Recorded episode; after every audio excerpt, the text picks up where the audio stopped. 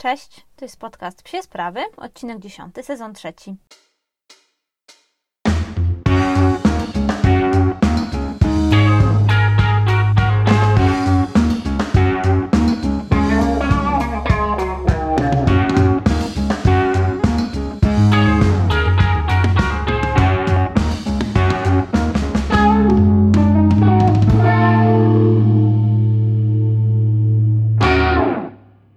Tygodniu właściwie nie mieliśmy żadnych nowych rzeczy, o których chciałam Wam tutaj jakoś długo opowiadać. Nic się ciekawego bardzo nie działo. Niestety Ozzy znowu ma jakieś problemy żołądkowe. Na chwilę odstawiamy nie barfa, ale źródło barfa, którego aktualnie kupuję Oziakowi mięso, czyli barfiaki. Ja nie jestem jakaś niezadowolona z tej jakości tego mięsa. Uważam, że przez długi czas się sprawdzało, więc pewnie wszystko było ok. Natomiast będę próbowała teraz czegoś nowego, bo Ozzy znowu miał właśnie problemy żołądkowe jadł trawę na spacerze, miał wymioty, nie chciał jeść y, jakieś tam swojej części mięska, więc będziemy próbować nowej diety y, gotowanej. Myślę, że opowiem Wam o tym mm, więcej już jakiej spróbujemy i zobaczymy, mm, czy to coś pomoże, czy musimy dalej y, ten temat od jego problemów żołądkowych zgłębiać i i udać się dalej do weterynarza na konsultację. Poza tym w weekend byliśmy na działce i Ozzy poznał nowego członka naszej rodziny, naszej takiej szerszej jakby rodziny, nowego psiaka, suczkę Migi, która niedawno pojawiła się w domu mojego wujka i cioci. No i naprawdę świetnie sobie radził. My jakby przeprowadziliśmy całą tutaj procedurę zapoznawczą. To nie jest tak, że rzuciliśmy ich sobie na pożarcie i sprawdzaliśmy, kto wygra, tylko zgodnie z takimi zasadami, że psy powinny się spotkać na takim neutralnym terenie, powinny mieć możliwość podejścia do siebie, odejścia, każde powinno się czuć bezpiecznie. Zapoznaliśmy ich, okazało się, że jest super, no i potem już dogadywali się razem na jednej działce. Na pewno jeszcze bardzo dużo pracy przed nami, przede mną i Ozim, jeśli chodzi o poznawanie się z innymi psami, o emocje z tym związane, ale i tak jestem z niego bardzo dumna, że sobie tak świetnie radzi i że przynajmniej kontakty z suczkami przebiegają dla niego bezstresowo, a kontakty z większością psów, samców przebiegają dla, dla niego naprawdę bardzo w porządku. Nie będziemy jakby pracować nad tymi kontaktami, które nie są ok. Też mieliśmy w zeszłym, w zeszłym tygodniu taki przełom, jeśli chodzi o kontakty z dwoma pieskami u nas na osiedlu. Naprawdę sytuacja, która zawsze była bardzo zaogniona, tym razem skończyła się na takich małych nerwach, a w przypadku z jego małe nerwy to już jest sukces, więc ja się bardzo cieszę. Co jeszcze dla mnie ważne, o tym mówiłam Wam też kilka razy, że Ozzy ma problemy z kontaktami z dziećmi, w tym sensie, że się bardzo ich boi i takie małe, energiczne dzieci są dla niego trudne do zniesienia. Dosyć trudne do zniesienia dla niego jest też to, kiedy ja na przykład się zajmuję jakimś dzieckiem, więc staram się nad tym z nim pracować. No i w weekend właśnie byliśmy na działce, gdzie pojawiły się też dzieci, wprawdzie nie takie małe, bo takie troszeczkę większe, bardzo ogarnięte i takie, które z pieskami się totalnie umiały zachowywać, ale dla Oziego to gdzieś tam była znowu jakaś sytuacja niespodziewana, znowu, znowu coś nowego i poradził sobie naprawdę fantastycznie. I to widział, widzieliście też na Insta Stories, że nawet Oli, która przyjechała tam właśnie na tę działkę, pozwalał się głaskać i czuł się wspaniale, wręcz się z nią zaprzyjaźnił. Więc mam nadzieję, że tak będzie ciągle i że uda nam się te jego demony pokonać. Wiem, że ciągle jeszcze przed nami ten temat o tym, jak my z Ozim pracujemy, jakie Ozim ma problemy, skąd one się wzięły, dlaczego, jak i tak dalej. Natomiast musicie mi wybaczyć, ten odcinek jeszcze chwilę mu zajmie, zanim powstanie, a raczej mi zajmie, bo teraz skupiamy się na tematach sportowych i dzisiaj właśnie głównym tematem odcinka jest temat bardzo sportowy i jest temat, który mi jest bardzo bliski. A ten temat to analiza treningów. Jak analizować swoje treningi i dlaczego warto to robić to przejdźmy do głównego tematu. Po pierwsze, analiza pojawiła się w pierwszym odcinku tego sezonu jako element holistycznego podejścia do psiego sportowca. I tam, jak, jeśli nie słuchaliście tego odcinka, to Was odsyłam koniecznie, posłuchajcie go sobie. W tym odcinku mówiłam o takiej teorii holistycznego podejścia do psiego sportowca, która może nie jest y, jakimś moim tutaj bardzo autorskim dziełem, raczej zebrałam to, czego ja już się nauczyłam i zebrałam to, że tak powiem, do kupy, tak żebyście mogli sobie gdzieś tam usystematyzować swoją wiedzę na temat podejścia do psiego sportowca, a może dowiedzieć się też czegoś nowego. I wiele osób mi pisało, że właśnie to podejście analityczne i ta analiza jako element podejścia do psiego sportowca jest dla nich czymś nowym.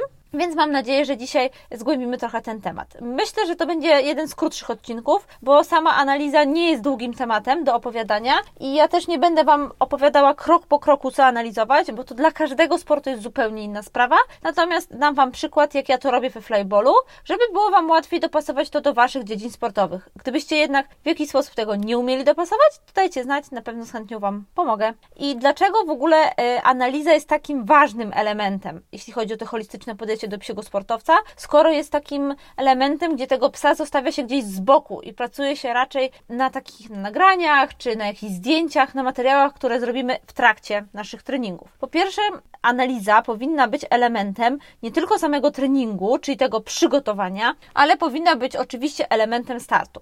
Bo te wszystkie piękne filmiki, które kręcimy i na przykład w trakcie startu, na których widzimy naszego pieska wspaniale skaczącego do frisbee, pięknie robiącego torek, czy super szybko biegającego, to one nie są tylko po to, żebyśmy je wrzucili sobie na Face'a y, i się pochwalili znajomym, ale one są też po to, żebyśmy my się zastanowili, co tam dobrze poszło, co poszło źle, jakie mamy wnioski na przyszłość. Czyli przeprowadzili tę analizę. Co bardzo ważne, ta analiza jest też takim elementem, y, który niezwykle przyda nam się między startami. Czyli mamy tę fazę przygotowawczą, fazę treningową, mamy fazę startu i mamy oczywiście tą fazę, fazę międzystartową. I to jest zwłaszcza przydatne w y, dwóch sytuacjach, tak mi się wydaje. Po pierwsze, w sportach, w których startujecie robiąc to samo więcej niż raz dziennie, i to jest na przykład flyball, bo między biegami my oglądamy sobie te biegi, sprawdzamy, co jest dobrze, co jest niedobrze, co tam się zadziało w porządku, a co trzeba jeszcze dopracować. No i druga sprawa jest taka, że ja polecam też taką analizę międzystartową y, wszystkim osobom, które mm, na przykład mają pieski, które może nie do końca są w świetnej kondycji, albo na przykład miały jakieś kontuzje, lub w trakcie robienia ćwiczeń kiedyś się skontuzjowały. Ja zawsze też oglądam pod tym kątem e, treningi mojego psa i też nagrywam pod tym kątem mojego psa, jak on się, jak jego ciało się zachowuje w trakcie treningu, czy ja nie zawsze jestem w stanie wypatrzeć, czego nie zauważę. No właśnie. I dlaczego ta analiza jest taka ważna? Sobie wypisałam tu takie zdanie, które zabrzmi trochę Paulo Coelho, ale mam nadzieję, że je zrozumiecie w tak, taki sposób, w jakim chciałabym go przekazać, że e, żeby były postępy w czymkolwiek, co robimy, musimy iść do przodu, jasne? Musimy się poruszać w jakimś kierunku naszego celu, musi się to ciągle zmieniać. A żeby iść do przodu, to musimy wiedzieć, gdzie jesteśmy, bo inaczej nigdy się z tego miejsca nie ruszymy, bo nie wiemy, gdzie ono będzie. Paulo Coelho, nie? No właśnie teraz jak sobie to mówię na głos, zanim to wiecie, napisałam, to pomyślałam sobie, nie no spoko, lust, no to, jest całkiem mądre zdanie, teraz tak sobie myślę, że jest trochę dziwaczne, ale o czym ono mówi? Ono mówi o tym, że y, czasem pchamy tego naszego psa naprzód, przyspieszamy te treningi, dajemy mu coraz większe zadania i nie zastanawiamy się, czy te miejsce, w którym my jesteśmy teraz, czy one w ogóle nam umożliwia aż taki skok, aż taki postęp. Dlatego ta analiza miejsca, w którym jesteśmy teraz, analiza takiego naszego stanu wiedzy, umiejętności, czy to znaczy stanu wiedzy, umiejętności naszego psa, powiedzmy, jest niezwykle ważna, żeby ocenić, jak dalej możemy teraz pójść, e, co możemy nowego zrobić, a być może musimy się cofnąć i musimy powtórzyć coś, bo w tym momencie na przykład robimy non-stop błędy. I ja jeszcze sobie tak e, podzieliłam, jakby jeśli chodzi o analizę, jak ona się sprawdza przy różnych treningach. No bo jeśli mamy trening samodzielny, czyli to jest trening, który prowadzę ja z moim psem. Nie ma tutaj żadnych osób trzecich, jesteśmy sobie we dwoje, no jeśli macie dwa pieski, no to jesteście we trójkę, jeśli więcej, to, to tych e, podmiotów się pojawia. Natomiast chodzi o taki trening jeden na jeden, w którym to Wy jesteście tym trenerem i Wy jesteście też zawodnikiem, można powiedzieć. Mm, I tutaj bez nagrywania siebie, bez robienia zdjęć, bez no, przeprowadzania jakiejkolwiek analizy tego, co robicie na podstawie no, głównie nagrań, może zostajemy przy tym, że nagrań, nie będziecie w stanie w żaden właściwie obiektywny sposób ocenić, czy w którym jesteście miejscu. Nie będziecie w stanie ocenić, z jakiego punktu startujecie. Jest jeszcze oczywiście taka opcja e, i tutaj jakby ta analiza się przydaje, ale ona może być też wzmocniona jakby czynnikiem ludzkim. To są takie treningi jeden na jeden z tym, że macie trenera. Czyli powiedzmy idziecie sobie na frisbee, na trening frisbee i macie tam, trenujecie oczywiście z psem i macie tam trenera, który mówi Wam co robić, obserwuje Wasze błędy, obserwuje to jak to robicie, pozwala Wam się od razu na bieżąco poprawiać. I w tej sytuacji Ja też oczywiście zawsze polecam nagrywanie, ale macie też tę osobę, która przyszliście do niej, bo ma taką wiedzę, której potrzebujecie, przyszliście, bo wierzycie, że jest w stanie Wam pomóc i ta osoba jest w stanie na bieżąco wychwytywać Wasze błędy, wychwytywać jakieś takie elementy, które musicie poprawić i Wam o tym mówić, dodatkowo mówić Wam, jak to macie poprawić. Więc to jest super sytuacja. E, trzecia sytuacja to jest taka, e, że mamy trening grupowy. No i wtedy słuchajcie, nawet najlepszy trener nie jest w stanie na treningu grupowym wyłapać wszystkich błędów e, wszystkich piesków, które biegają naraz. No bo tak jak jest u nas drużyna, to wyobraźcie sobie, że te psy sobie biegają cztery naraz, to znaczy nie naraz, cztery w jednej drużynie.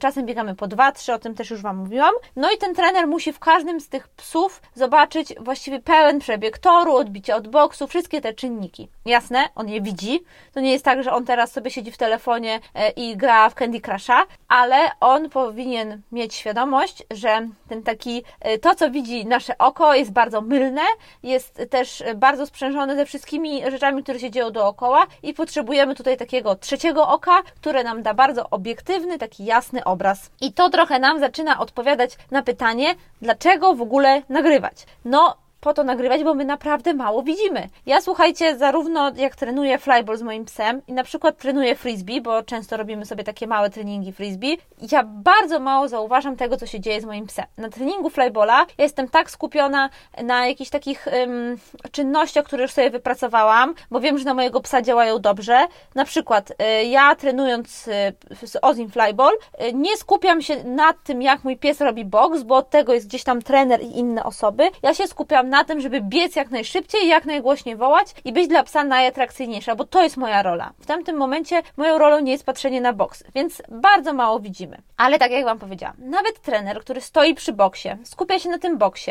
patrzy jak ten pies robi ten boks, on i tak nie jest w stanie zobaczyć w 100% tego, tego, co ten pies tam robi. Będąc na treningu, na przykład y, treningu frisbee, kontrolujemy nie tylko, się, nie tylko psa, i nie tylko nad psem pracujemy, ale pracujemy też nad sobą. A kontrolując jakby ten drugi podmiot, oprócz nas, czyli tego psa, nie jesteśmy w stanie w takim doskonałym stopniu zauważyć wszystkich zmian w jego zachowaniu, nie jesteśmy w stanie wychwycić błędów i tak.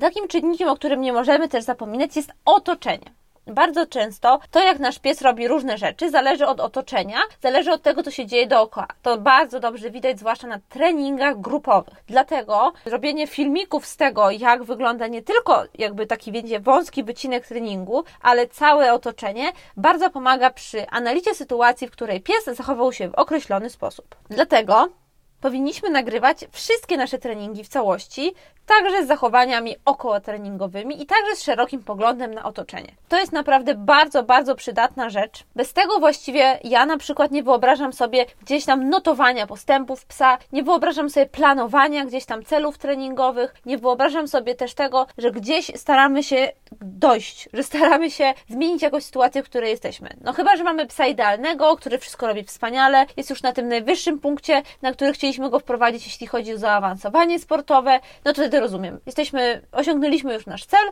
nasz pies jest idealny, nic nie musimy robić. No ale szczerze, ile mamy takich psów? Ile mamy takich osób? Ile mamy już takich e, sytuacji, w których rzeczywiście tak uznajemy? Moim zdaniem mamy naprawdę bardzo mało. Czy wystarczy nagrywać? Czy nagrywanie to jest jedyna taka rzecz, którą warto robić? No ja jestem taką osobą, która lubi mieć też wszystko spisane, lubi sobie do pewnych wniosków wrócić, więc polecam Wam zakładanie też dzienników treningowych. I w takich dziennikach treningowych możemy je sobie trochę, je sobie trochę prowadzić jak takie habit trackery, czyli po pierwsze my dbamy o to, żeby wpisywać, że trening został wykonany, więc to nam trochę gdzieś tam się przypomina i my jakby sami siebie pilnujemy z tymi treningami. E, po drugie, ja polecam wpisywanie jakichś tam sobie własnych celów, e, polecam wpisywanie sobie KPI i polecam sobie wpisywanie czasów treningów, jakby wszystkich składowych danego treningu, które chcemy śledzić. Jeśli mamy jakiś tam stały cykl treningowy, dziennik powinien być wypełniany na bieżąco. Tylko wtedy widać postępy.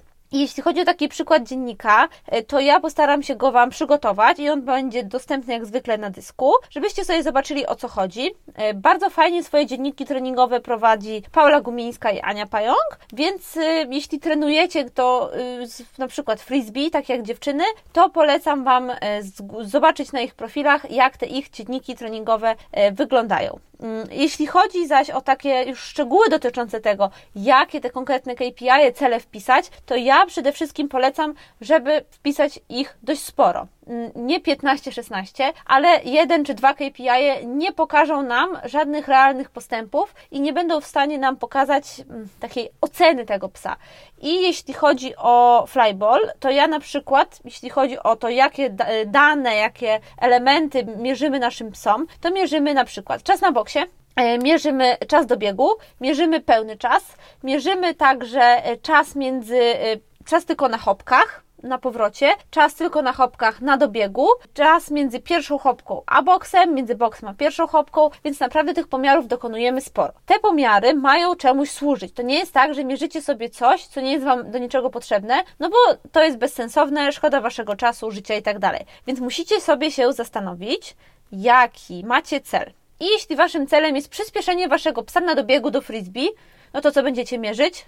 Czas psa na dobiegu do frisbee. A jeśli wasz pies długo wraca z dyskiem z jakiegoś powodu, no to jeśli waszym celem jest przyspieszenie tego psa na powrocie, to będziecie mierzyć powroty.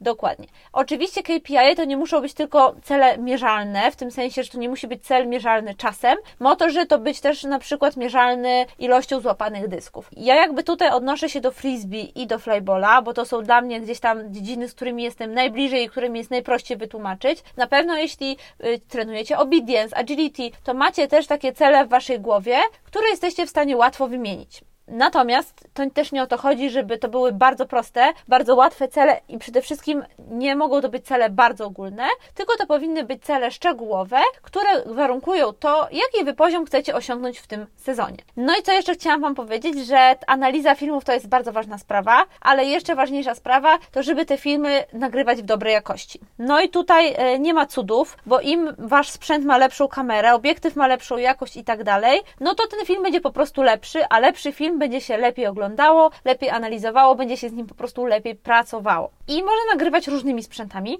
To raczej jest y, coś tak oczywistego, że chyba nie będę Wam o tym się tutaj jakoś mocno rozwodziła. Natomiast my w, w naszym sporcie, we flyballu, który ja uważam, że pod tym kątem technicznym jest dość jednak zaawansowany, nagrywamy zwykle telefonami. Jeśli chodzi o całości treningów, to nagrywamy je GoPro ze względu na szeroki kąt i też Wam polecam takie rozwiązanie. Natomiast pamiętajcie, że GoPro zżera, zżera kartę pamięci jak szalone, więc musicie mieć naprawdę wielką kartę. 128 mega to początek właściwie. Na pewno dobrze sprawdzają się też y, aparaty, które mają gdzieś tam też dobre to nagrywanie filmów, czy kamery, więc wszystko, wszystkie sprzęty, które mają te opcje nagrywania, one będą super, natomiast gdzieś tam na koniec ten telefon wystarczy. I ja polecam Wam na początku sobie ponagrywać telefonem, zobaczyć jak to idzie i rzeczywiście y, sprawdzić, czy to jest dla Was wystarczająca jakość. Na pewno bardzo dużą różnicę robi y, tryb zwolniony, czyli taki tryb, w którym możecie nagrać film poklatkowy, to się chyba tak to nazywa,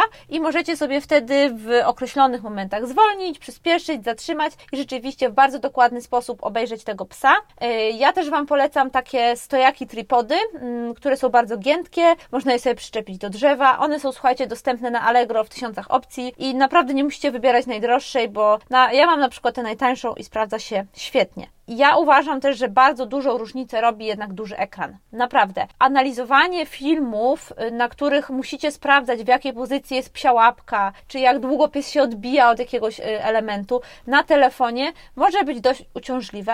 Polecam na pewno trochę większe ekrany. Jeśli macie taką opcję, to po prostu korzystajcie z komputera przy analizie filmów, bo jest to dużo lepsze. Naprawdę. To są takie rzeczy, wydaje mi się, że bardzo oczywiste i wydaje mi się, że większość z Was je wie. Natomiast postanowiłam je uporządkować w tym jakby jednym odcinku.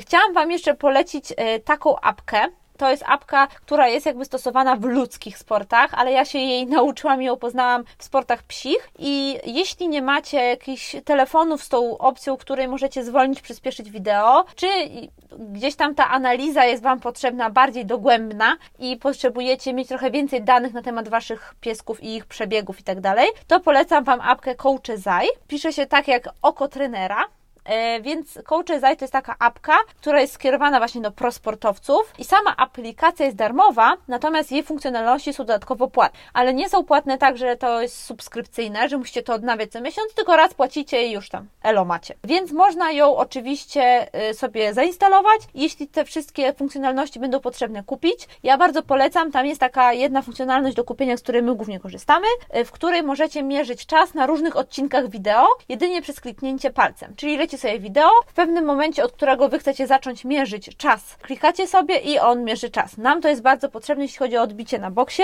no bo nigdy nie zaczniemy nagrywać filmiku idealnie w momencie, kiedy pies wskoczy, a tutaj możemy sobie go zwolnić pokładkowo, super zatrzymać i ten czas zmierzyć. Co fajne, to ta aplikacja łączy się też z GoPro i można bezpośrednio, bezpośrednio między GoPro a nią przysyłać sobie filmy. Ja w tym momencie korzystam przy nagrywaniu z iPhone'a, ale niedawno kupiłam sobie też iPada, więc myślę, że będę coraz więcej korzystała z iPada. Na seminarium, na którym byłam, trenerzy korzystali z, z iPada i to było super, super wygodne. Mam nadzieję, że ten krótki odcinek o analizie będzie dla Was przydatny. Myślę, że on jest typowo pod sportowców, a kilka osób prosiło mnie właśnie o takie odcinki. Ja chciałabym Was zachęcić do tego, żeby Waszym sportowcom przyglądać się najdokładniej jak się da, żeby myśleć naprawdę o każdym szczególe i nie w taki chorobliwy sposób, żeby te szczegóły poprawiać, dopracowywać i tak dalej. To znaczy fajnie, tak, myślę, że warto dopracowywać wszystko w najdrobniejszych szczegółach, ale nie, nie trzeba też do tego przywiązywać aż tak ogromnej wagi, jeśli to w znaczącym stopniu nie wpływa na wyniki waszego psa. A to, czy te właśnie szczegóły wpływają na wyniki, stwierdzicie tylko w jeden sposób, patrząc na nie, analizując je i patrząc, jak to przekłada się właśnie na wyniki, na performance psa w waszym sporcie. Gdybyście mieli jakieś pytania, to oczywiście zapraszam do kontaktu ze mną. Ja dziękuję za słuchanie dzisiejszego odcinka i zapraszam za tydzień.